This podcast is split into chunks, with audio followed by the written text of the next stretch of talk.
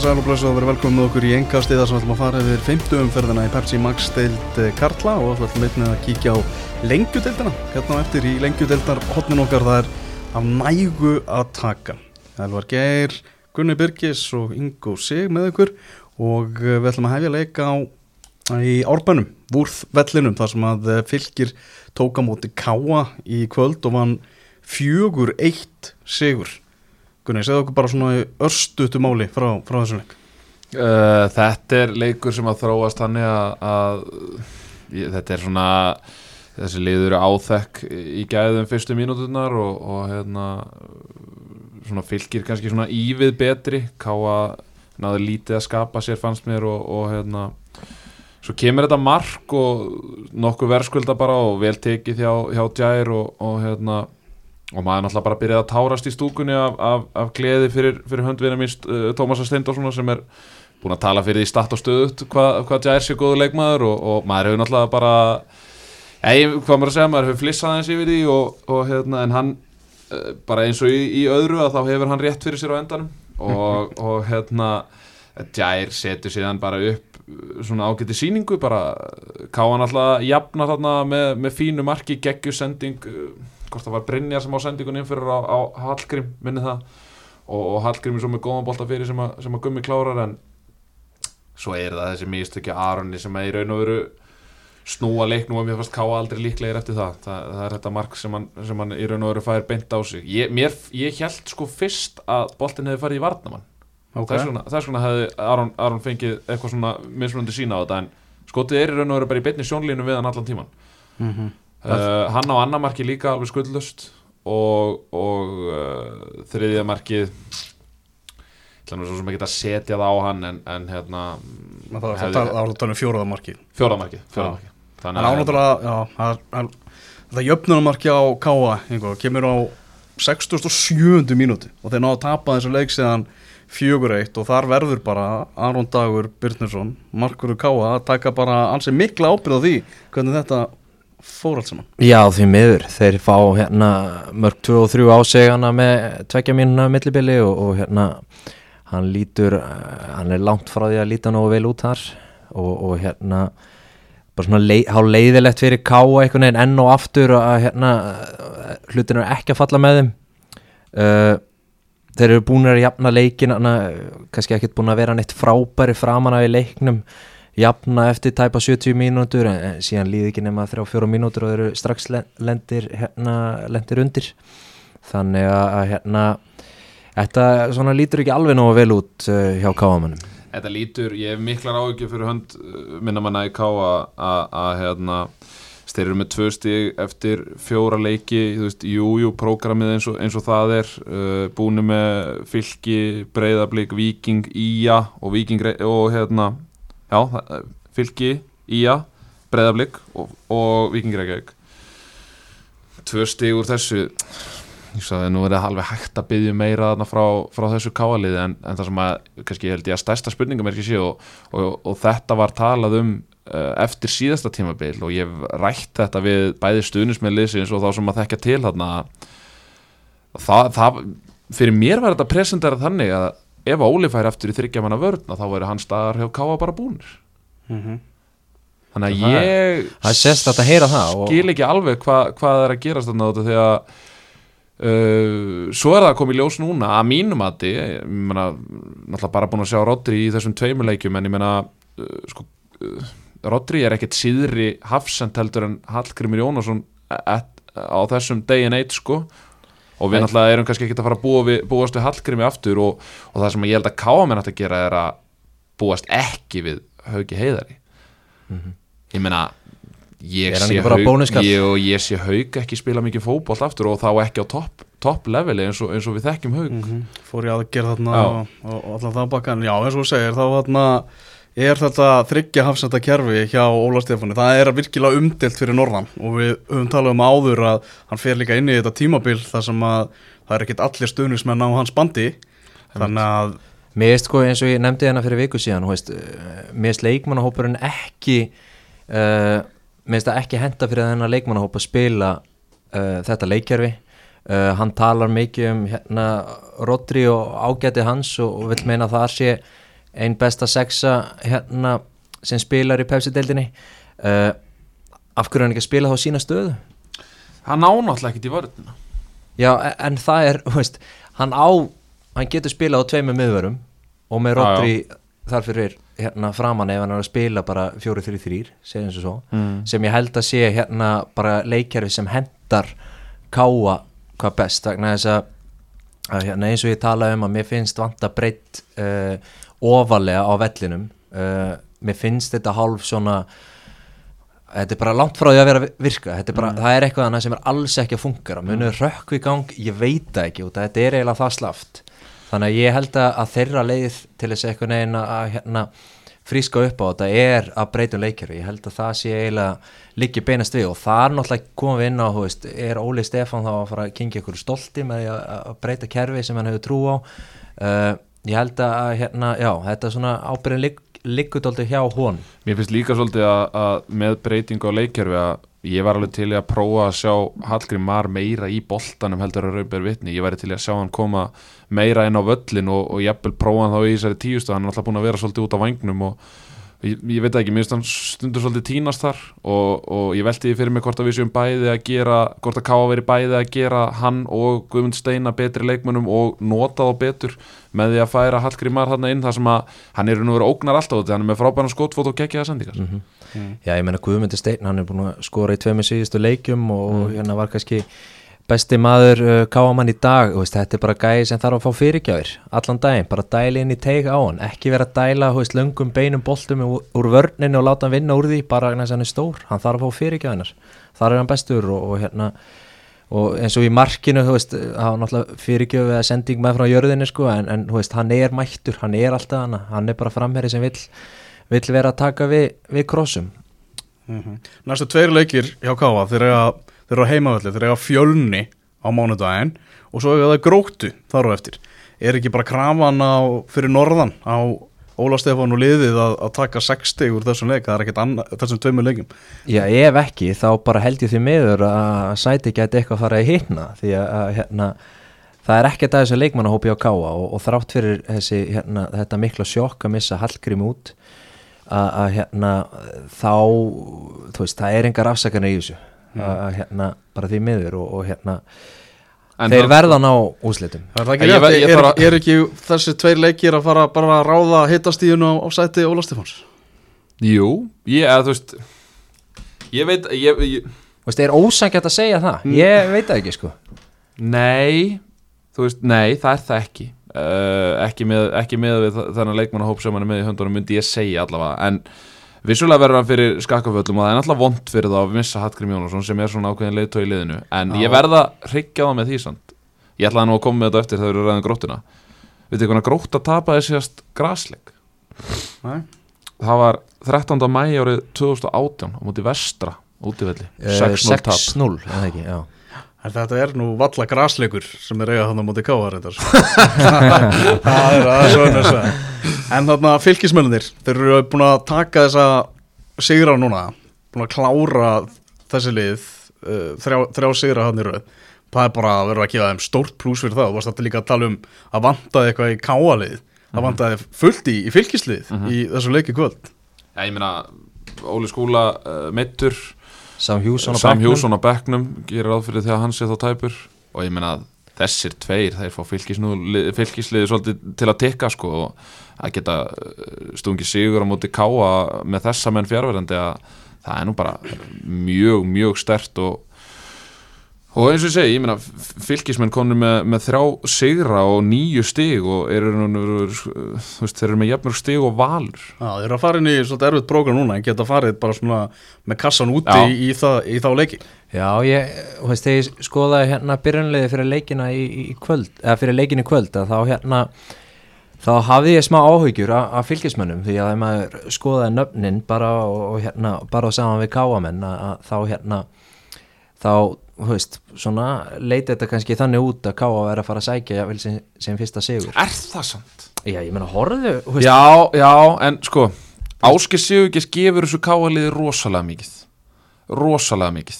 Hann er kraftmikill, hann er áræðin og svona uh, hann, er- hann byrjar á bekknum, og sem þýðir þá hann er væntalega eitthvað tæpur. Uh, sko þetta fylgislið þú veist, ég veit ekki alveg hvað ég hef það en eftir að Jær einhvern veginn fer að kikka inn og með Valdimar sem er bara topp þrýr, topp fimm leikmaður í Já, þeir voru er báðir, ekki bara- báðir mjög öflugir í Já. þessu leiki kvöld. Þú veist, er, er þetta þá ekki bara lið sem er mætt þarna í eru er við ekki, við ekki vann með þetta fylgi er, eru þeir ekki bara betri heldur en þessi lið sem við vorum að gera ráð fyrir eru þau í þessum svona miðjur pakka og svona krabla í efri hlutan En við erum ekkert að fara að bera Jair samt á kóngastóla alveg strax áttur hann hafa átt ein, eitt góða leik núna, sko. Ekki láta mig afvegalið ykkur. Tómas, Steindorsson er gjössalega búin að alveg fokka í mér, sko. En þið sjáu eins og Arnó Gauti sem er náttúrulega nýkominn frá afturhelding og er á upplæði svona aðalega miðvörur eða ekki, þó hann getur list miðjumannstöðuna, veist, hann er á miðjunum með hérna Nikolás Val sem er 2000 mótil það komið mikið óvart að sjá Arnur Gutta djúpan á miðinu en mér finnst að lesa það bara mjög vel. Mm.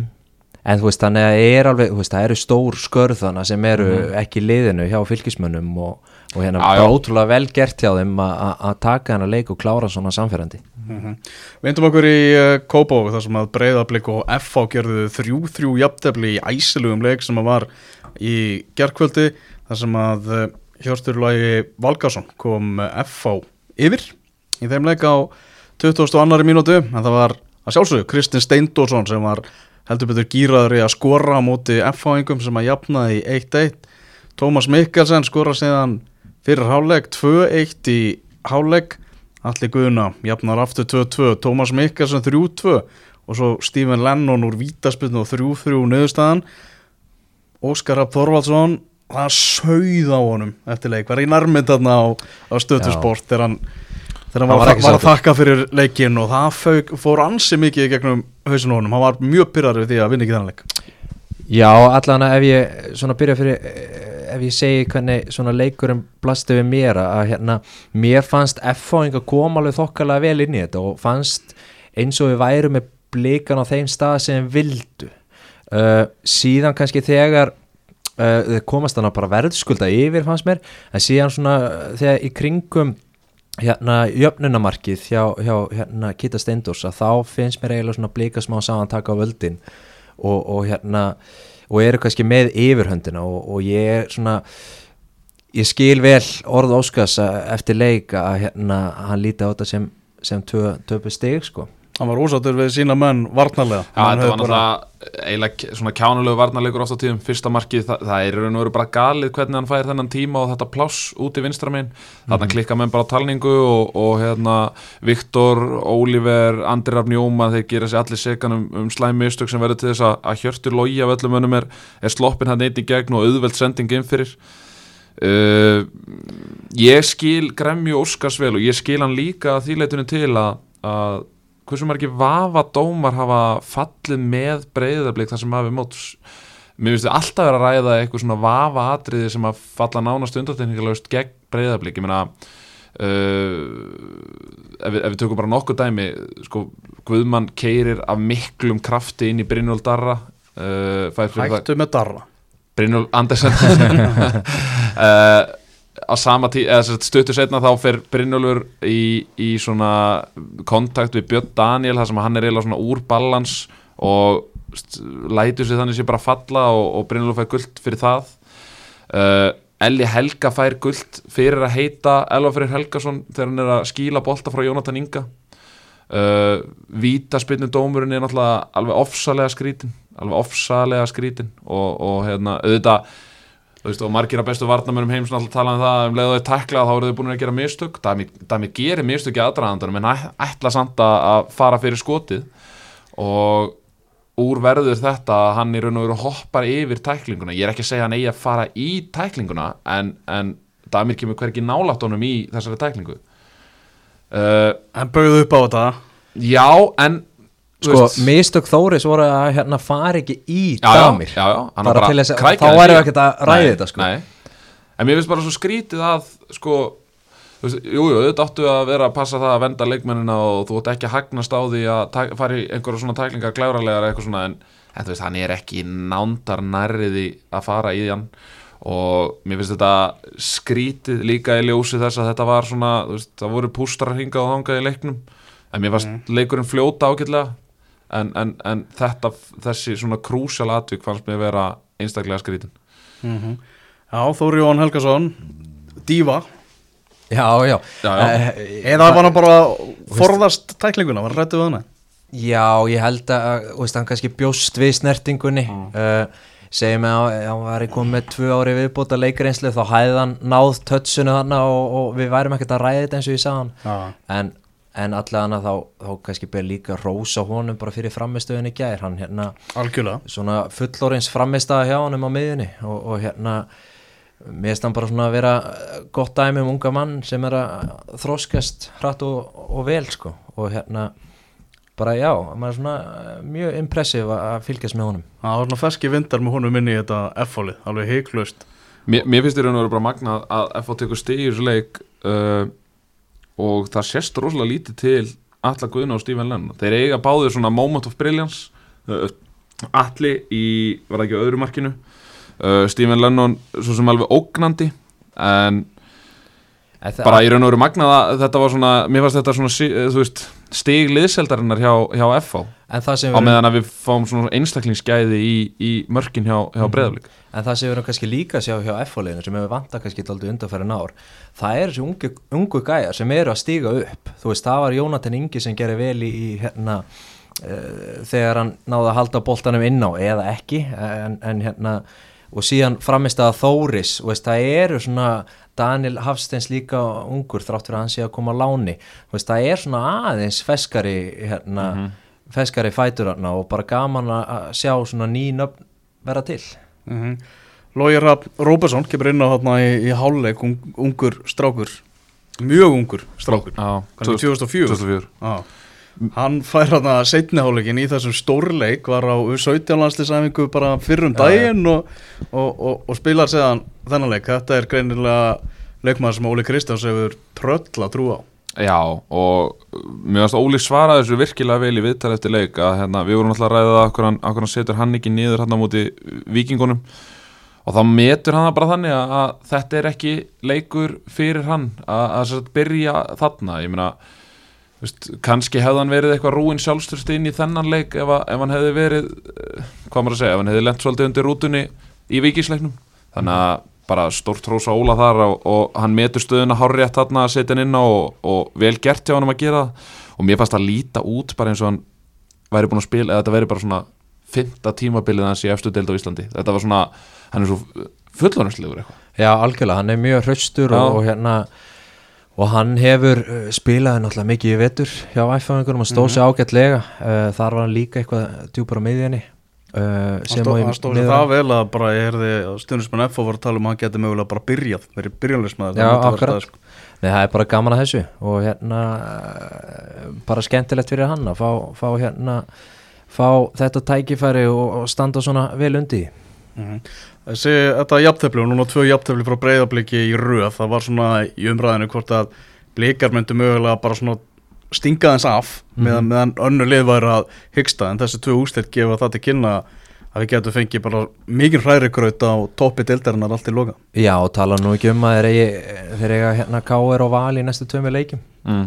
þannig að það eru alvöru, alvöru test sko Já, ég meina, geta þó allavega tekið það að þeir eru taflusir en, en þeir eru klálega að sína um, veikleika á sínu leik með sérstaklega varnarleiknum. Uh, Mér fannst hann þó vera aukt skárri heldur en í káaleiknum ótrúlega satt því að, því að Róbert Orri, hann vissulega lítur ekki vel út í káaleiknum en, en mér fannst kannski varnarleikin ekki hjálp honum á þann veg að líta, láta hann líta kannski aðeins minna verð út þar að segja að mér fannst völdunum vera lítil, hún, mér fannst hún þó allavega vera til staðir í þessum leik og það er greinilega veist, það, er einhver, það er einhver framþróun í þessu og í varnarleiknum og annað slíkt en, en veist, svona klaufalega atvik eins og með hjá Damir þetta er þetta náttúrulega bara eintómur klaufaskapur í gegn að bjóða upp á þetta, það er alveg rétt. En Mér finnst ekki- líka vera líka- en, en, en ég er alveg samanlega að þetta er, þetta er klaufaskapur að bjóða upp á þetta fyrir það fyrsta. En líka í fyrsta markinu, Andrea Jómann sem hérna fekk náttúrulega mikið hrós fyrir að leysa hæri bakarstöðuna vel hérna í, í byrjumót sem átti gróttu þar er hann aldrei greipin í bólnu þannig er komin allt og innarlega og skilur eftir sér svæði, þetta er mjög klaufalega gert. Þetta er svona einfalt atrið bara spurningum fæslu og staðsendingu einfalt atrið, það er svo lítið sem þarf að laga til þess að koma í vekk fyrir markana mm -hmm. og sama með þessi tvö mistök hjá, hjá, hjá bæði Viktor og Oliver í aðdraðanda marksins. Ég hugsa að Andri hefði til dæmis ekki látið það gerast inn á miðsvæðinu, það er spurning hvort þú sért að fórna of miklu með því að setja Andra í hæri bakurinn og fórna honum það af miðsvæðinu ég velti því fyrir mig hvort að Viktor Karl sé nægilega sterkur leikmaður til þess að geta leist bakvarastöðuna að því gefna þú getur lifað með þessum varnar uh, þú veist, ekki veikleikum en, en, en, en það að hann sé ekki jafn sterkur og, og hinn venjulegi bakverður í, í varnarfæslunum þannig að þú veist ég veit það ekki. Það, ég, ég átta alveg á því hvernig, hvernig byrjunliði verður næsta leik. Davíð Ingvars flottur í þessum leik og þannig að það er svona verður frólægt að sjá Alvöru leikur næst. Alvöru leikur nefnilega. Það er nefnilega þannig sko. Það er útivellið það ekki? Það þetta er þetta ekki í. Já, minni það. Já, þrjú þrjú endaði þetta í, í þessum svona stórleik umferðarinnar ásamt náttúrulega vikingur valur en uh, mjög svona, þetta er svona áhugaverðasta byrjunulegs fréttir lengi í íslenska boltanum sem hafa beðið eftir, það var það náttúrulega hverjir eru þið í miðverði hjá viking eftir þetta þennan hressilega leikarn á, á káarvellinum Það endaði því að Tómas Guðmundsson og Július Magnússon Mhm. kom í miðverðin og svo náttúrulega Þórður Ingarsson áfram í markinu þar sem að Ingvar Jónsson er að jafna sig eftir meðsli getum alltaf sagt það að þessi miðverðir sem spiluðu ekki núna og svo Ingvar þeir geta nú alveg sofið rólegir á, á nótunni þeir eru ekki að fara að missa, missa sæti sitt Já, þetta hérna þetta var hálfleðilegt fyrir vikingana þeir náttúrulega komast hana yfir óvænt. Og uh, nokkru mínútur setna eru 2-1 undir. Og, og hérna mörk á silfu fati og þetta var einhvern veginn bara eins og já börn á móti fullornum sko Ég hugsaði sko þegar það komist 1-0 yfir þá hugsaði ég, núna á Tómas bara eftir að drauma leik og, og hann verður bara að gera allu hérna byrjunleysætum og, og hérna og það mun bara allt ganga upp og eitthvað svona. Hjá en, ekki, en ekki var aðdafleik í paradís. En það er eitt í þessu að ok, þú veist, vikingan eru með sína hugmyndafræði og, og hérna vilja spila ákveðin fótbolta. En þegar þú ert kannski komin 1-0 yfir í stöðunni 1-1 á móti val á heimavelli og, og staðan er eins og hún er uh, hvað var að leikmannahópin af hverju þá Július Magnússon að spila á Tómas sem hefur tvo kosti það er að negla fram eða spila aftur tilbaka uh, af hverju eru þeir ekki aðeins meira að grænda, af hverju eru ekki aðeins bara svona ok, herru, ítum bara aðeins varnarlínu upp, við erum með okkar hugmyndafræði en við þurfum að ná í úslit Það hefðu Íþróttin- allir fyrirgefið þeim það að fara svolítið út um munstrinu sínu í leik. Já, akkurat.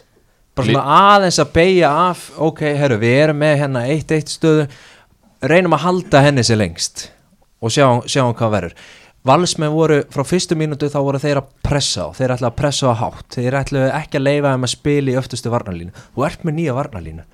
Ég ætla, ég ætla að mynda að koma inn á þetta að, að sérstaklega í ljósið þess að Valur pressaði mjög hátt. Þannig að kannski hefði verið hægt að finna einhverja veikleika með snöggum kantmönnum eða eitthvað slíkt og aðeins að dælunum út í, út, út, út, út í breytina mér fannst þetta þetta var ekki öfundsverð staða allavega sem að Tómas Guðmundsson var settur í þarna og geta alveg bara fundið til með honum að í raun og veru þurfa að taka þessa ákvöruna líka á þessum tímabúndi leiksins. Að veist, hann einhvern veginn svona færi einhvern veginn ekki alveg tíman til þess að taka skrekkin úr sér því að það eru komin tvö mörk hann bara hvað eftir 13 mínútur eða eitthvað sem að vikingar eru búin að fá á sig. Er þetta ekki eitthvað svo leiðis? Bara á 12 myndu þá er 2-1 einmitt Já, hann af 1-5 náttúrulega endaði þessi leikur og, og Heimi Guðjónsson var svolítið svona að svara í þessari gaggrinni sem að þessu uppstillinga hans hefur fengið og hann var að bara sep, færði hvað, Sebastian Hellund aftur í vörnuna það ekki og Orri datt út og, og, og Magnús sömulegis uh, Valger kom inn í, í vinstri bakurinn og þakkaði tröstið með tveim mörgum uh, síðan náttúrulega kemur Freyr. Ég meina var hann að svara gagni Ég meina var hann Nei, ekki bara að geta hattinn sinni eða þú veist Já, hann, hann var svona viðurkenna Já, mistök hann var í raun og veru bara viðkynna mistök sín var- sem að, Já. sko, og sérstaklega og ég get ekki dæmt valslið eftir þennan leik, ég get það ekki Það er bara ekki hægt, Nei, ég menna vikingar voru náttúrulega laskaðir og voru eins og Ingo segir bara með silfur fattið Já. þarna út um allt að, ge að- að gefa þeim þetta Já, sko. en að samaskapi, Kristi Freyr var frábær í þessum leik Valgi Lundal var frábær í þessum leik uh, Mér fannst koma meira út úr Patrik Pedersen í þessum leik heldur en ofta áður En enn og aftur, veist, erfitt að meta þetta. Mér fannst Lasse Petri flottur í þessum leik. Mér fannst Hellund og vörnar, varna lína vals virka talsveit stöður í þessum leik. Þannig að ég skal dæmi þetta eftir næsta leik og kannski þar næsta leik.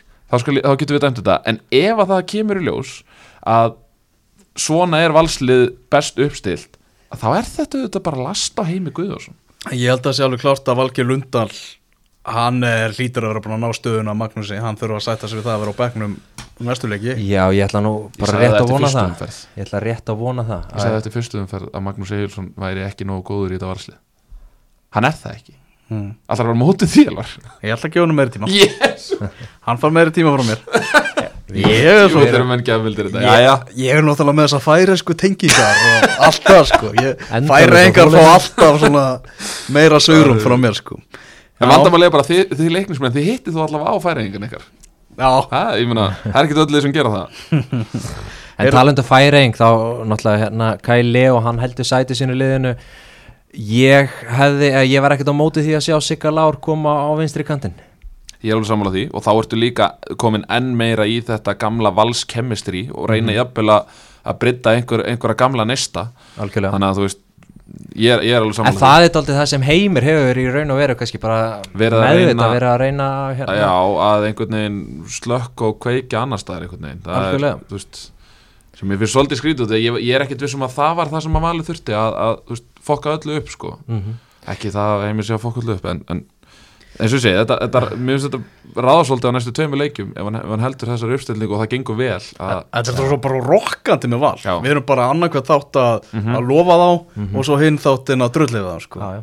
En þú veist, það líka segir manni þeir eru náttúrulega að skila mjög misjöfnum framistöðum sem er áhyggjefni fyrir jafn sterkan leikmannahóp og, og þeir eru með en talandu um næstu leiki þeir eru að stjörnuna heima og síðan blikana úti e, í næstu tveimur leikjum og það eru alvöru leikir. Er þess að fyrsti leikur stjórnunar eftir, eftir sótkví er það valur? Já. og hvað verða þeir búin að vera lengi úr sótkví Þeir- þeir Þeir losnu í dag, eða ekki? Jú, tókum fyrstu æfingun í kvöld. Já, þannig að þetta eru hvað, fjórir, fjórir dagar Mm. og svo leikurinn á fymta degi eða hvað? Já, það ekki? Já, ég hitti hérna Óla Jó um daginn, hann er í sótkví og ég var í göngutúr og hann var í hjólutúr mm. Já, og hérna hann segir að, að þeir eru búin að æfa eins og skennur sem sagt náttúrulega á einstaklingsæfingum og allt það en, en það er hverki það er ekkert verið að slaka á. Þeir eru, þú veist, náttúrulega búnir að ná í 60 úr fyrstu tveimur leikunum akkurat. Sem að kannski gerði þetta bærilegra fyrir þá að vera í þessari sótkví og fylgjast Já, með þessu. Og, og komni með hérna fáinn nýja mann í, í Guðjónu Petri sem náttúrulega er alveg spilari og hérna þeir eru bara degju spennu eftir að, að hérna, spila hennar leik geta sennilega ekki beðið þannig að hérna, ég maður á vona þeim bara virkilega feskum Mhm. Þetta er pyrrandi fyrir vikinga, fimmum fyrir búnar og þau eru búin að vinna eitt fótballtaleik, eru milli háká og gróttu í töflunni, sitt í nýjönda sæti. Já, þeir eru bara með einu stíð meira heldur en gróta þeir eru með einu marki minna heldur en gróta það er að segja skorað uh, þeir eru með jafnmarka seguleiki og gróta uh, Já, þetta, er, meina, þetta er ekkit þeim hefur mistekist að, að skora í tveimur leikjum Aha. A5 og, og veist, þetta á að vera sóknarlið og, og hérna allt það sko uh, eru, þú veist enn sem kom er þá bara því miður hafa þær verið að valda smá vonbröðum en, en hérna en maður er einhvern veginn svona alltaf að býða eftir þeir áttu náttúrulega dúndu leik á móti FH en, en síðan er svo leiðilegt að að þeim leik hafi verið fyllt eftir með náttúrulega hörmung, hörmungunum í, í hérna vesturbænum og síðan þessu. Þannig að Þetta er, þetta er mjög svekkjandi fyrir vikingar Já, og vikingarnir 58% með boltan uh, og uh, þið gamla góða XG 2,34 skora 1 mark. Valum XG upp á 2,04 og skora 5 en, Kem- en það er nefnilega ég, já, ég, það er kannski akkurat málu það sem ég var að segja á hana hérna, ég hefði kannski viljað sjá þessa possession tölfræði lægri mm. hjá Já, vikingum algjörlega. Uh, vegna þess að þeir voru sjálfur sér vesti með boltan Ég held að Valur hafi verið bara, byrju, allir þið að halda boltanum, það var bara geggjað. Já, akkurat. Þá bara breykum við á okkur og Já, setjum ykkur í alls konar vesen. Akkurat, þannig að hérna já, ég hefði viljað sjá það taka eins svona aðra taktika á þetta í þessum leik og bara, þú veist fókbalti snýst um úslit og, og það er sko Arna Gunnlaugs og, og, og hans menn get ekki komið og verið að tala um fallega fókbalta ef því fylgir ekki úslit það er bara, veist, þannig virka fókbaltin bara því miður. Þannig að hérna já, maður vill fara að sjá þá hérna komast almennilega á skrið. Mm -hmm. Og lokum uh, uh, Anton Freyrs að skrifa um leikinn gefur hérna Hannesi uh, bónusteg, Hannes Já, svona því líka vöslur maður. Já, loksins bara búið að vera að kalla eftir því svona að Hannes verði landslýs Hannes í markinu Já, hjá, Val og þetta voru, Þetta var alvöru sko. Þetta voru alvöru vöslu sem hann tók þarna. En maður leiksins og maður umferðarinnar kemur úr þessum leik og það er Patrik Pedersen sem Mhm. er svo sannarlega bara vanur því að fá Dominos pítsur frá okkur fyrir að vera valin leik, leikmaður umferðarnar Já, ég meina, þú veist, hann, hann uh, ég veit ekki, maður er kannski orðið eins og vanur þessum gæðum eða eitthvað svoleiðis en, en það má samt ekki vannmeta það hvað hann gefur þessu valsliði ótrúlega mikið.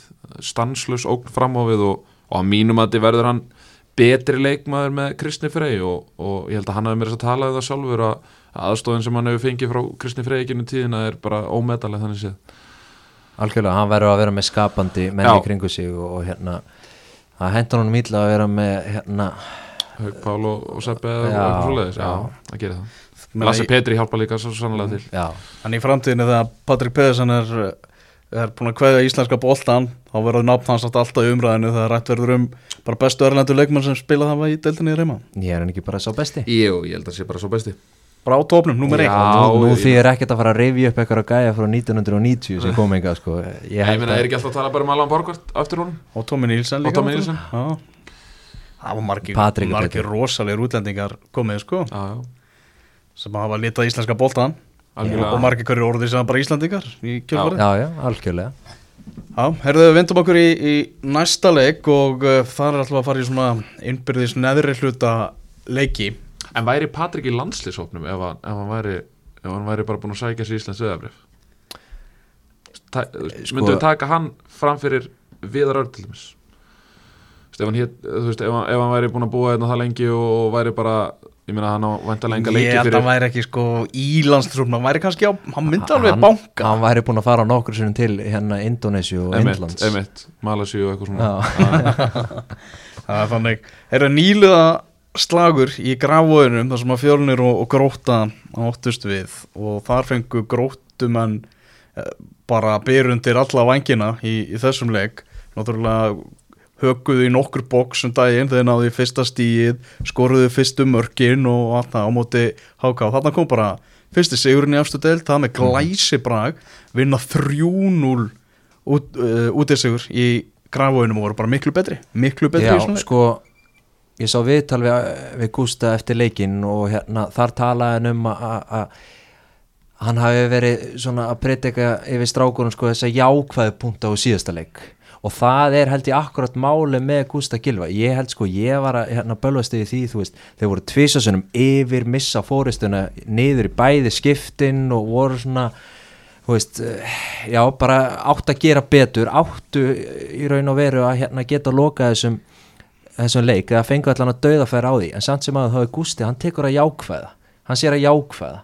Og ég held að það sé einmitt bara einn af þessum kostum Gústa Gilva hvað hann getur fengið leikmennina með sér þeir fara hann á, á, á grasið í, í græfói og hérna og bara skila þessari dundu framistu og meðan kannski fjölnismenn bara maður veit ekki alveg hvað maður er að segja um þá lengur en, en hérna bara ótrúlega velgert hjá gróttu að sækja þessi fyrstu þrjú stig bara með glæsi. Þetta er alveg rétt það með bara hvað, hvað svo rólegur Gústi er búin að vera. Ég heyrði í honum í, í síðustu viku þegar þeir voru bara með núl út um allt á, á töflunni hjá sér.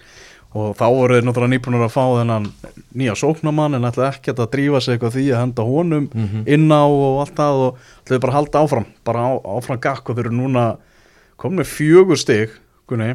Þú held, hérst að þú myndi, myndi, myndi fá hvað, 6 til 8 í sumar. Já, ég það, ég er búin að taka ég er búin að segja svo margt sko um þetta gróttulið og, og hérna þið þurfum ekki að hafa neinar á ykkur að því ég er með, ég er með harðasta gróttumannin á bakinn á mér held ég á hverju meinasta degi uh, uh, sko fjölninslið er svona kannski svona það er að segja svipað en það eins og vikingana að þeir hafa spila oft á tíðum bara mjög fínan fótbalta en úrslitin er ekki að fylgja og þá er rosalega erfitt að bakka það upp endalust uh, í þessu leik þess að spiluðu þeir ekki flotta fótbalta þeir voru alls ekki góður í þessu leik og gróta voru talsvist betri aðalinn í þessu leik. Uh, og eins og ég kom inn á þann gróta á gerfigrasunum sínu upp á seltendan þessi gott að blessa en, en gróta hefur samt sem að þeir ekki tapað grasleik síðan 13. mæ 2018 á móti vestra.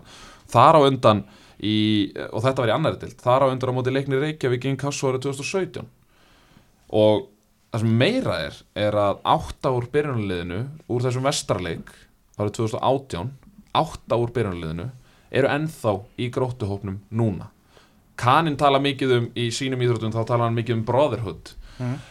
þú veist það viljin að berjast fyrir félagan eða þú ert, ert tengdur honum á einhvern nátt og þetta eru náttúrulega gauðra sem hafa bara eft saman núna í mörg mörg ár og spila saman og eru saman bara bróðupartina áruna þetta myndaru bara sterkari bönd fyrir vikið og þetta er það sem ég vil meina að það hafi hjálpað val gríðarlega að það hafi verið þessi, þessi tenging innan hópsins og þessi, þetta, þetta góða kemistri það sem að þú veist ég er ennþá því að gróta er bara einfallega ekki með nægilega gott lið til þess að halda sér uppi en það að það, það eina líflínan þeirra er þetta, þú veist, það er þetta kemistri, þetta með að þeir eru búin að vera lengi saman, berjast í þessu fyrir hvern annan og svona, þú veist, búin að vera lengi í klubnum til í að deyja fyrir klubin og allt það. Uh, en aftur á móti hafa þeir svona einstaklingsgæði sem að gætu haldið þeim uppi. Hvenar ætla hérna topplegin að tryggja sér þjónustu Kristóf? Kristófers orra. Þa, það hlýtur að fara að gerast uh, bara eftir tímabil gerir ég ráð fyrir. Hann Já, ég menn er hann ekki að renna út? Hann er að reyna, hann má ta byrja að tala við menn sex mánuðum er það svoleiðis að hann er að renna út núna? Einhvern minni með það. Sko, Ég Kristófer gæti verið er- að fara með ráttmál en allavega hann hann, er- hann er með svo sturli gæði. Sjáu, hann, hann opnar hennar leik með sendingunni sinni. Já sko, sending það sem er sko ekkert í gangi. Það er Akkurat, ekkert í gangi. Akkurat, alveg eins og í, í, í síðasta leik. sendingin hans í hákáleiknum er svona topp þrýr sendingar sem ég séð á Íslandi ever. Já, og hérna þú veist, bara þessi lið Káur, FH, Valur þau blikar. Sækja hennar guður en sko, svolítið fyndið það er alltaf að Hann líka- hann er það góður. Hann er, Hann er ja, algjörlega, bara 100% 98 mótel og við erum að tala um það að sam, hann er með samning til 1. november 2021 Já, já, kaupið hann bara, hann er það góður. En sko eh, svo er sko útbreytum miskilningu sem ég hef hört á fleiri en einum og fleiri en tveimur stöðum það er að hann verjist ekki nægilega vel.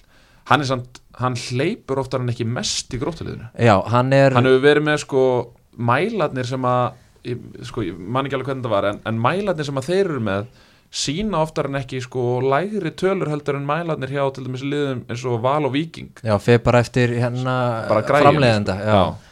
Akkurat, en allan varðandi Kristóður Óra og þú veist, ég hef mitt heyrt þetta líka mm.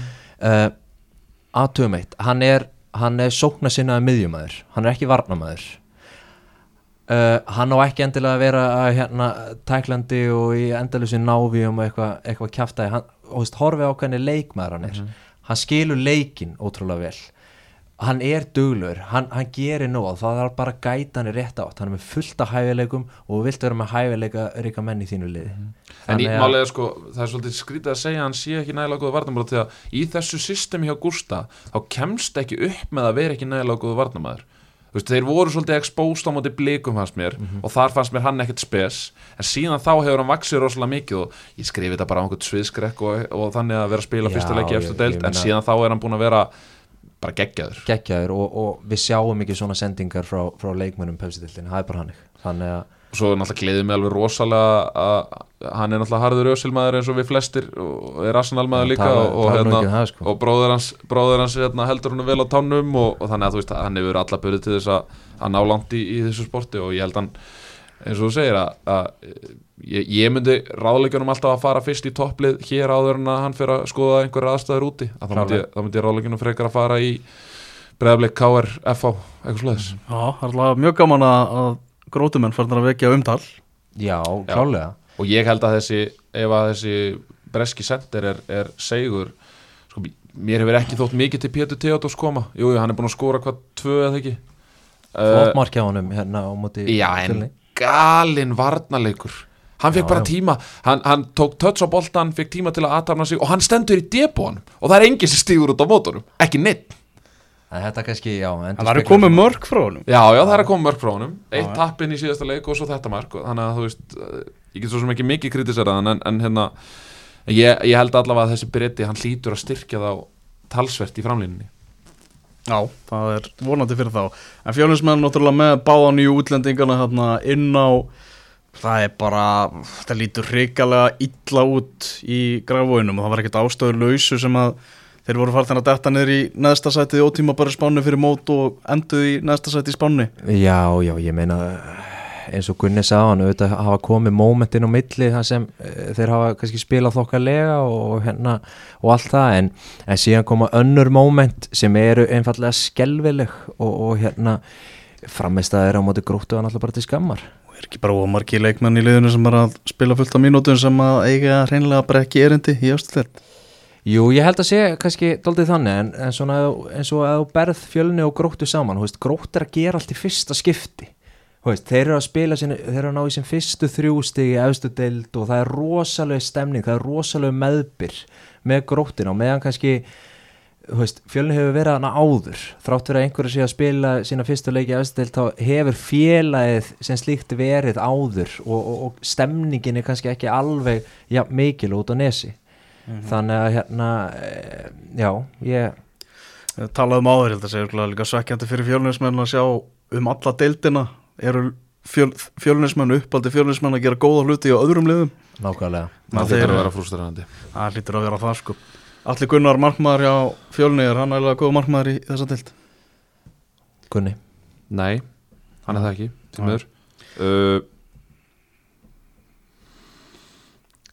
enn og aftur Rosberg. Ingarsson á náttúrulega verið í markinu en, en, en því miður þá er Ingvar, Ingvar mittur og, og, og, og Þóruður að fá, fá tækifæri í vikingsliðinu sem að ég held að hann vilji kannski frekar heldur en að fara í ég ætla nú ekki að segja vonleysið í grafaunum en, en, en það er svona það, Það er svolítið láskíjað það er láskíjað hjá þeim Mjög láskið en Ég meina þeir eru að fá yfir tvö mörg á sig í hverjum einasta leik Mhm. það sem aðeins móti uh, og þú veist, þetta er ekki gott sko.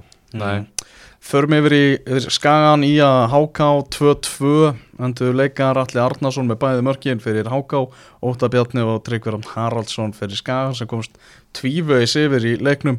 Hvort liðið er að fara að virða stíð meira úr þessari viðrögn HK, HK 100% Mm. svekkjandi og pínu pyrrandi fyrir skagamenn að komast hann að tvisar yfir uh, missa leikin eða missa hérna uh, sigurinn uh, eða missa leikin hérna í jafntefli uh, og voru að koma undan náttúrulega þessum geggjaða leik á móti val. Svekkjandi fyrir þá að ná ekki að fylgja þeirri framistöðu eftir á heimaðlega móti HK Ég væri brjálaður væri þjálfari skagamannu núna Já, að ná ekki að fylgja eftir þessum frábæra og nánast óafinnanlega leik á hlýðarenda komandi á heimavöll á móti svona hákáliði solti svona in shambles þannig séð sem var að gera fjögur fjögur Já, jafntefli við Gróttu. við gróttu. uh, og, og svona uh, já, svona einhvern veginn maður veit ekki alveg hvað maður hefur þetta hákálið en, en þú veist, mér finnst bara mér finnst bara að vera allt og margir leikir þar sem að uh, Tryggvi, Stefán Teitur Bjarki Steinn, leikmenn sem að maður vill fá meira frá þar sem að þeir bara svona þannig sé tínast að bara, finnst ekki ekki næ nægilega mikið til sín og, og þannig sé sko Bjarki Steinn er verið kikkar ekki inn fyrir hann í, í síðasta leika móti val og þá er hann frábær og sýnir okkur hvað hann getur. Uh, Stefán Teitur náttúrulega byrjar þetta mót alveg frábæla Mhm. uh, svo koma nokkri leikir þar sem, að, þar sem hann svona er í aðeins minna hlutverki og svolítið hlaupið við miðsæðið hjá þeim og þannig að, að þetta skagalið hefur alveg potensial í það að vera mjög, mjög frambærilegt fótballtalið en þá verða allir þessi gaurar að hitta á daginn sin þeir eru ekki með það gott lið að þessi gaurar geti lift sér að vera í einhverjum skugga. Mm. þeir þurfa bara að mæta með tjesti svoleiðis rík spennt út í lofti í hvern einasta leik sko. Aron Kristoffer Lárasson var hérna í Bastli og Sindri Snær fekk vondu dagur frá Benjamini Þórðarsinni okkar manni á Skaganum. Uh, en Valgeir Valgeirsson maður leiksins. Það er bara engin mikilvægari fyrir liðið pöfstildin heldur en valgir Þetta er, þetta er magna að sjá, hann er einhvern veginn svo grannur og, og hérna nettur sko, en, en samt sem áður þá er hann svo, þú veist, hann er að búlja menn, hann er að, hérna, hann er að sóla upp úr skónum, þetta er bara svona, hann er vegan, vissu það? það er skemmtilegt. Mm. Það Það er, það er mikill liðstyrku fyrir Já, ég ætla að mynda að segja sko, þetta, er, Já. þetta, er, þetta er sko alvöru stein, ég myndi nota hann í Já, auglýsingaherfið sko. alveg klálega sko. Það er bara svoleiðis en hérna, ég, svona 95% stöð sem að ég hafi séð bróður hans einhvern tímann segja á Twitter að, að hann sé vegan og það er bara, ég meina það var menn prófaði að vera fótboltamenn, ég meina Arnur Sveit prófaði að náttúrulega að vera, vera vegan og hann breytti tilbaka þegar hún fannst að vera orkulegs en það er, Það vantar það ekki er ekki, orkuna að, í- það er ekki að sjá að það vanti orkun í Kans, valgi kannski hætti hann að borða kjöt til þess að hann var með ómiklu Já. orku. Það, ég held það er að nú tempra Er Dominos með þarna vegan pítsu við hann? Já, ok. Það vann Dominos pítsu þarna daginn sem já, maður já, umferðin. maður umfyrir já Þannig að við vantilega farið í hana. annar samt leikmaður sem má, má ekki gleymast í, í þessu hákáliði uh, Atli Arnarsson Já. þú þekkir hennar leikmann alltaf hann spilaði fyrir leikni ég meina hann er 27 ára gamall hann á leiki og mörg í ABCD-deild hann hefur orðið byggamestari hann hefur spilað Evrópuleiki spilaði mestara mestarna hann, á 196 mestaralóksleiki og 32 mörg hann er aldrei svona huldumæður í íslensku nefnilega fótbolta sko. hann er bara tekur ekki rosalega mikið til sín en er rosalega viktigur fyrir þau lið sem að spila með. Algjörlega. Og bara með fullt að gæðum. fullt að gæðin öfla og þú veist, eins og ég segi þú veist, ég er hrifin af svona þróun hjá leikmönnum. Ég meina, þú veist, hann er að spila hann fæði fyrsta tækifæri með tindastóli 2009 þú veist, hann er að spila í þriðjöldinni með hann 2010 fer upp með þeim um tvær deildir og, og fer svo þaðan í, í leikni þar sem hann er að skora 6 mörk í 22 leikjum árið 2016 Bara skilaði alltaf flottri framistöðu, Já, sko. eina sem hann hefur náttúrulega verið óöfni með er hann er, hefur verið mittur oft á tíðum og Já, maður að koma úr erfiðu meðslöf þegar hann kom í breiðoltið. Já, þannig að hérna uh, og svo er þetta náttúrulega utan þess er þetta náttúrulega algjört, algjört topp eintak sem þú vilt hafa í hóp sko. þetta er svona, eins og, eins og ég segi þetta er svona, svona svolítið höldum aður sko, að því að Valgir tekur svolítið allt umtalið einhvern veginn í hákáliðinu þetta er orðið markaðist í leikmaður Háka í Estel Já, það fannst mér bara ótrúlegt tölfræði, alveg mögnuð sko. en ég meina, þú veist, hann nikkar alltaf inn mörgum, það, þú veist hann er alltaf með 1-2 mörg okkur einasta tímbili og stundum meira, þú veist, hann er með 5 mörg í átjáleikjum á síðasta tímbili, fyrir miðjumann þá væri maður bara klappandi fyrir því. Ég meina, ef miðjumann er að teka 5 mörg í átjáleikjum, þú veist, þú ert bara hrikalega sáttu með það Og veist, það er skrampi gott. Já, Heyrðu, Gunni Geskar fyrir næstu umferð. já við erum bara komið þangað Er það ekki? Er, já, nema við, flæta nei, já, við erum að, við hérna já, það já, vantar alltaf hennan það vantar alltaf en eina Já, já. Gróta í að. Og sunnudaginn klukkan 5 á Vívaldi í vellinum. Hvað eru gróta konur í þeir eru þá konur í 5 stig eða þeir vinna eða þeir, eða þeir já, ná jafntilið þessum Já. þetta er X X á þetta. já. HK Víkingur 1915 á sunnudag. Sölvi svo eini sem er að það í banni Já, já. fekk hann það þrjá leiki. uh,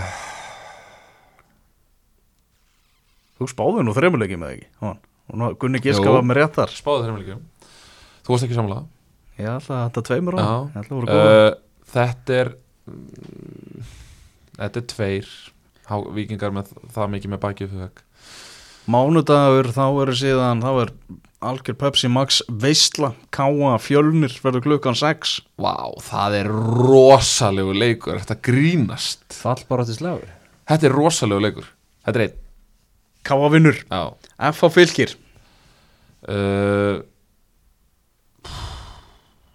er góði leikir uh, Þetta er einn Þetta er mjög skemmtileg. Já, Síðan koma hérna tveir algjörir lúksusleikir. já Káar breyðablík. uh, Þetta er X Og svo bjóðum stjórnumenn, velkomna aftur inn í mótið. Valur stjarnan.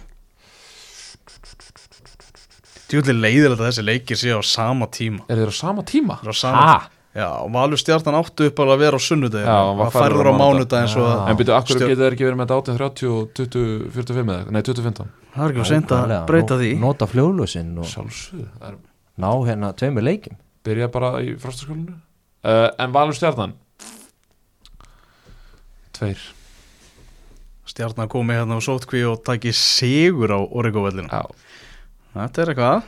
Eru það þarna árum við fyrir í lengjudeildina aðeins um þjálfaratíðindin úr annari deildinni. Já, Þróttur Vógum þetta er náttúrulega svakalegt Herman Reyðarsson mættur í, er það staðfest? í sla- Já, hann var staðfest í dag. Bara mynda hann með trefil og Vá, Já, það er mjög stórt. Bara fyrir fram að stúkuna í vonum sko. Já þetta er, þetta er alveg ráðning, þetta er metnaða fullt hjá þeim og, og hressandi þjálfara úrval hann í þessari deild sko. Já, ekki spurning. leðilegt að fá Emma í, í slægin sko. Þetta er bara geggjað og, og gerir náttúrulega e, þessar stórkostlegu neðri deilir en þá meira spennandi það er, það er ástriðan sko Já, bara vel gert hjá hemma að fara í, í, í þannig barning, ég meina þróttara með, með fínasta lið og, og hérna ég svo hemmi geti alveg á geðvikinni tekið teki fleiri púnta, ég meina Stemningsmaður. geggjur, geggjaður sigur hjá þeim um helgina.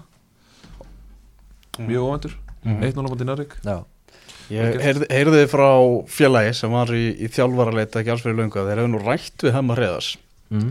og litist vel á hann líka vegna þess að hann síndi vist svona miklu auðmygt í, í viðtælinu sagði það að hann þyrft að sanna sig var alveg meðvitað um það hann hefði bara illa ráðu sínu í, í, í, á þjálfaraferlinum og einhverjum stegum og allt hannig Mhm. og væri bara sólkin í tækifæri Er þetta eftir að, að hann kemur heim frá hérna hvað sáþend Já Var það ekki bara fyrir nokkru vikum? Jó, það- þetta var fyrir sáðum Þetta var fyrir, áður en að fyrir Já. út ah, okay. Þannig að þetta er alveg ár síðan eða eitthvað svo leiðis Mm. Hallt ár Það verið að, verið að skoða mál fyrir, fyrir þetta tímabil Já, mér finnst Já, þetta bara já, já. skemmtilegt, Já, skemmtilegt. ég, mjög hrifin að þessu Heyrðu, hérna fjórða umferðin.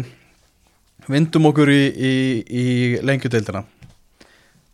Þar var leikið á þriðjudag og miðvíkudag Á þriðjudaginn, afturhelding Magni Stegalaus fyrir leikin Afturhelding endar á 7-0 Sigrið, því lík raskjalling frá afturheldingu og hann eru Jason Daði og Andri á Flamdri að skora. Sko, var ekki 1-0 í hálfleik eða ekki hálfleika? Hvernig var staðan í hálfleik? Það komið 2-0 Já, komið 2-0, En hins vegar annar marki komið upp út á tíma fyrir árs Já, já, já, ok, það fer úr sko, Mag, sko Maggi og hans menn fara úr mínus 6 í pluss 1 í markatölu sem að alveg klárlega eh, bara þæ, þægilega er að horfa á töfluna þannig en Eh, Segir ekki þetta bara hvað Sko. sko. Maggi er með sína menn í góðu standi? jú, Já, þeir eru í góðu standi Við þeir vorum eru í að mjög tala, góðu standi vorum einmitt að tala um það að Gústi hafi verið silki slagur þrátt verið slaka byrjun Já. og okkar maður hefur líka verið það sko. Já, já Já, það rennur ekki í honum blóði Nei, sko. nei, erfiði leikin alltaf í byrjun uh, útivellur á móti keflaug og svo íbjöða feima í leik þar sem að þeir hefðu nú alveg geta stóli stíi uh, En við erum bara að sjá það oft hjá Magna í gegnum ári en þegar þeir eru að fara of langt frá Grenivík stundum Já, þá eru þeir bara að láta flengja sig sko. En sko þetta var Þetta var eiginlega grátlegt hvað Magni voru slakir í þessu leik og það komið mikið óvart Það var einhvern veginn engin í liðinu uh, satan það með, með, nokkrum, með nokkrum alvöru spekingum uh, að það var engin í Magna liðinu sem að heitlaði mig engin eitt leikmaður sem að heitlaði mig Heyrðu, hvað eru að tala um hér? Er mús anskotin sjálfur. En það er mús hérna Það er mús Ég hérna. sá eitthvað á hann Ég var bara, hvað, er ég að sjá offsjónur eða? Ok, dók sko. Já, já, ok.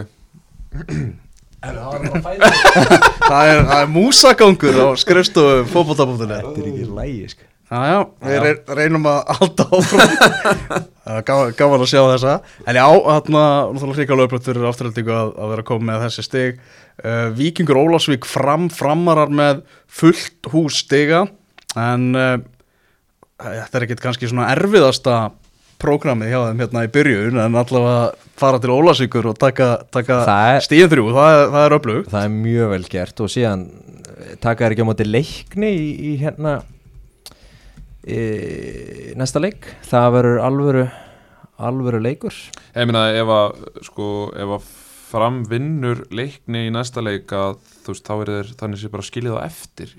Svona þannig séð Já, ég Þú veist, meina, fram er með 12 og, og leikni 7 já, ég meina leiknismenn eru bara alltaf með bakið fyrir veg Já. sko. það er náttúrulega algjörlega þannig uh, en þetta er að þróast út í mjög, mjög skemmtilega deild En já, maður ættir að koma staði betur í uh, næstu umferðum, svona hvar maður er nákvæmlega með þessi tvölið Viking Ólafsvík og fram. Það var náttúrulega áhugaverður leikur í, á Dómus Nóavellin, þar sem að leiknir mætti IBVF, leikur sem var síndur í beitnu útsendingu á stöðtu sport og mætti gríðarlega mikla aðtikli. heldur betur Nóa umræðupunktum úr, úr þessum leik þar sem að leiknismenn jafna þarna 2-2 en fá síðan á sig mark sem að átti aldrei að standa Gary Martin bauð upp á hendi Guðs sem að nánast allir áhörfundur á vellinum tóku eftir mér, sko, mér En Já. þeir, þeir voru, þetta var einhvern veginn svona bara, þeir náðu allir að vera í snóker, samt var fjórði dómari með þess að leiknum, sko. Mhm. Mér fannst bara látbræðið á, á uh, Gary Martin benda til þess að hann þurfti einhvern svona aðeins auka maður að segja, auka bút af líkamann til þess að íta boltanum yfir línuna og æ, veist, við erum búin að vera mjög settlegir við, við dómara í þessari umferð og veist, það er verið að byggja meiri, meiri virðingu fyrir, fyrir dómara umræðin en þetta, þú veist er það er ekki hægt að láta bjóða okkur upp á þetta. Mhm.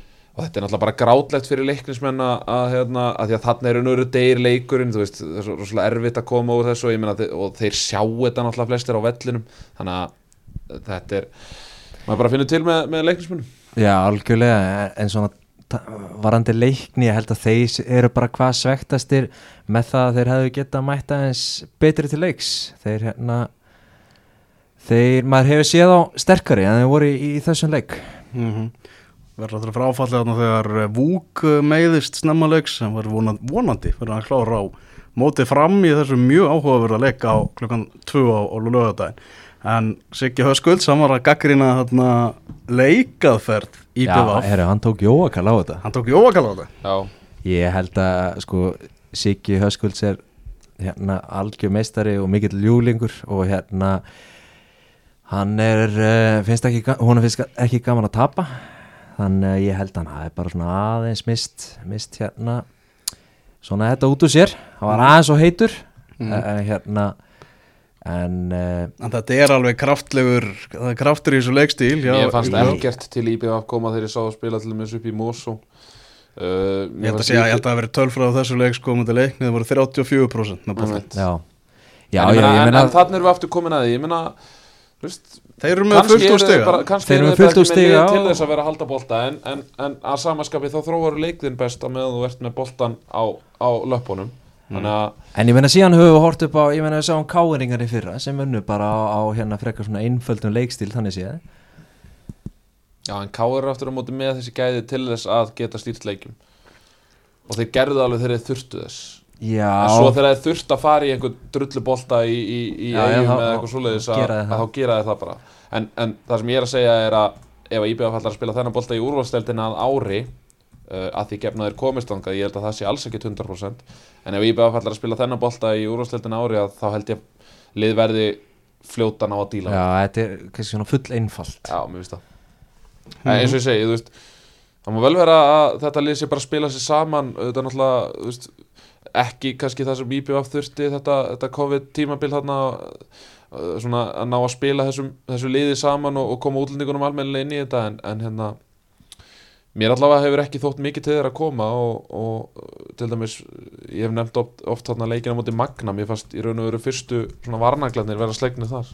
Þannig að uh, aðri leikir sem að voru Þór uh, tapaði fyrir Vestra 0-1 ríkala upplugur sigur hjá Vestra. Það var svona Bjarni Jó eða fullmikill orku að vera brjálaður út í domgjæsluna eftir leikin í staðins að vera bara að fagna því að þeir eru að fara sínum þarna á Þórsvöllin og ná í þessi trölla stiga múti upplugu Já, Þórsli og, og Nacho Gil, hann skoraði sigumarki hann leik náttúrulega með, með þórsörum síðustu tvö tíum bil uh, góðu leikmaður. Uh, þetta er náttúrulega bara geggjaði sigur fyrir vestra. Það er ekki, það er ekki mörglið sem fara hann á norður og, Nei og sko vestri með fjögur stig að norðan og af Dómus Nóavellinum það, það, er, er, bara ekkert að því. það er rosalegt styrkleikamerki finnst mér og, og þetta vestralið sko ef við tölum um, um leikstíl og, og hvernig á að beita honum rétt að þá finnst mér vestraliði vera að gera það rétt. Ég meina þeir koma á leiknisvöllin og þeir, ég meina þeir sættu sér bara við stig frá fyrstu mínútu. þeir bara, sem bara klókt. Það sem bara klókt, ég meina þú bara- að safna stigum. þeir, bara, þeir bara leggja upp, upp, upp með því að vera óþólandi fyrir anstæðingana og ef þeir ná því fram þá, þá eru þeir það svo sannarlega. Uh, Svo ertu með, með Bjarni Jó sem hefur séð þetta allt saman og gert þetta allt saman aður er Þóstararnir eða kannski stundum að detta í það að vera að láta hlutina fara ómikið í taugarnar á sér. Í staðis að reyna bara að einbytta sér að, að leiknum. Já, algjörlega. Og, og hérna það er nefnilega máli, máli með Þóra. Þeir geta oft verið sjálfur sér vestir. En, en hérna samt sem áður þá ég hafa þeir náttúrulega bara komið frekar vel inn í þetta eh, hérna, voru búin að vinna fyrstu þrjá leikina og þetta er engin döðadómi fyrir á eða þeir bara taka það jákvæða ú- úr þessu að, þá hérna mætaði tvíeldi til leiks. Já, þetta er svekkjandi fyrir Þór í raun, í raun og veru líka í ljósi þess að Túfa fer út á hvað á 6050 mínúti eða eitthvað svoleiðis. Ég man ekki alveg hvernig þetta var uh, Reikin út á með raukt og svo skora Það var mjög vafasamur Já, dómur. svo, svo skora Þór hann stuttu setna og þá Mm. einhvern veginn hjælt maður að, að þetta væri að fara að gerast en, en markið dæmt af og, og svo ná Þórsararnir lítið að opna vestarmenn eftir að, eftir að vestarlandi manni færið þannig að þetta er bara, bara svona 9 af, 9 af 10 leikur hjá, hjá Bjarnar Jó og félugum uh, Grindavík fjögur, Keflavík fjögur Já, því leikur. Leikur Þvílöku leikur, lítið um varnir. Svona vil ég hafa nágrannaslægi Það er bara svo leiðis Ég vil ekki hafa nágrannaslægi tvö passív lið að verja stíð Þetta voru bara tvö lið sem ætluðu bara að sækja sigurinn og Grindvíkingar náttúrulega með að vera hvað svektastir með að hafa ekki tekið sigurinn í þessu leik og hefðu þá komið sér upp í nýju stíg uh, í þriðasætinu þá vil lið, lið Þórsarana að vera komin fjögur tvö yfir á, á, hérna, á móti keflaðið þú á verður, heimavelli og þú svona. verður að klára það. Ég var bara svektastu með þetta og svona fullur róluðu setni hálfleikur, bara eitt mark. Já, að hérna þetta, þetta er Ég, ég held að það væri galli í hérna, textalýsingunni. Ég held að hérna, það væri eitthvað klikk Hvort hann hefði sett eitthvað markinn tvisvar Eða eitthvað svoleiðis, ég bara trúður skil Já, þetta var bara handbóltalýsing par excellence sko. Já, hvað, hver var senast til Já, það var náttúrulega leikurinn fyrir austan. Leikni fólkskursfyrði 1, tróttur 0 Já, Tróttarar Sko, ef stiga það- lausir. ef það er einhver staðar láskíað og, og jafnvel bara svartnætti Þá er það nýri lögadal sem er synd sko því að þróttur er, það er mikil gleð í kringum þrótt og Já, já, stuðningsmenn ég og- er flotta og stuðnismenn hérna- og allt það En við miður þá bara er þetta ekki að þetta Nei, ég meina þeir, þeir eru búin að skora eitt mark í fjórun leikum Já, já, en það hafa þeir kannski uh, en hafa þær áhuga á því að Já, svo er það annað. Gunni Guðmunds er ekki þekktu fyrir að hérna, eitthvað nei. sónabolta sko. Sættu sér bara við að skora eitt til dæmis á móti Álafossi Já, í fjóruðöldinni mm Þannig að það er uh, og Díon Eikhoff hverki sjáanlegur mittur og brotin, ristabrotin eða tábrotin eða eitthvað? Að það er þannig? Já, ég ég vissi ekki að það væri svo alvarlegt Já, ég held að það sé tábrúðin já, og, og, og er væntalega hann er ekkert að stöðva launagreislur á meðan hugsa ég. Og Nei, spurning hvort að þróttarinn er hafi efni á því að vera með svona manna launaskrá en, en ekkert að spila. Nei, ég meina þetta, þú veist, þurfi ekki þróttur að fara að bregðast eitthvað við þessu eða? Heyrðu sko, þeir eiga vestra úti í næsta leik. Svo eru þeir að henda sér bara í Keflavík fram og IBVF í næsta já, leik. já, takk fyrir takk fyrir. Þetta er svaka. rosalegt prógram sem þeir eru að fara í sko. En, Nei, ég meina í hvaða leika er að taka stig? Já, er þeir ekki, þeir eru ekki nægilega góður að múra, þú veist, jú, þeir gætu múrað á móti vestra en, en þeir get ekki múrað á móti fram og íbjöfa, fram og íbjöfa fyrir með það sterkar sóknamenn að að þeir munu alltaf ná að finna leiðir. Búin að skora eitt mark dróttar að hafa sárabóta marka múti leikni þarna eitthvað í lokin. Mm Í fyrst umferð, ég fyrst- að skora í þremi leikjum í röð.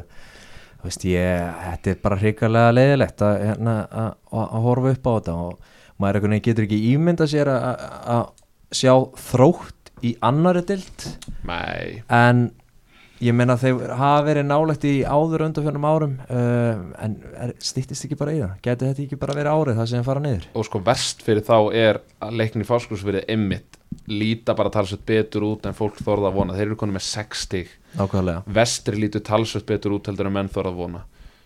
Eina liðis, kannski það er Víkingur Ólarsvík sem er búið að sogast þarna niður en ég held að segja, þú veist, það er við möttum að sjá meiri stiga söfnum frá þeim og fleiri sigra já ég frá meina Víkingi. það er þeir meira já, í Víkingi þeir eru með hörku leikmennin á milli sko já. Herðu, femta umferðin í lengjudeldinni, hún verður spiluð á lögadag og sunnudag og þar má finna ímsa áhugaverða leiki, þar á meðal er uh, IBVF Grindavík og Keflavík Þór og þessi leikur fram á leikni sem ég tala maðan afturhaldig leikni Fáskursverði, Magni, Víkingur Ólafsvík og Vestri Þróttur eru leikirnir. Herðu, en hins vegar verður yngastið vantala aftur á mánudags kvöld Við ætlum að fara að flýja hérna músagangin á skrifstofunni og setja upp ykkur að gildur. Takk fyrir að hlusta, verið þið sæl.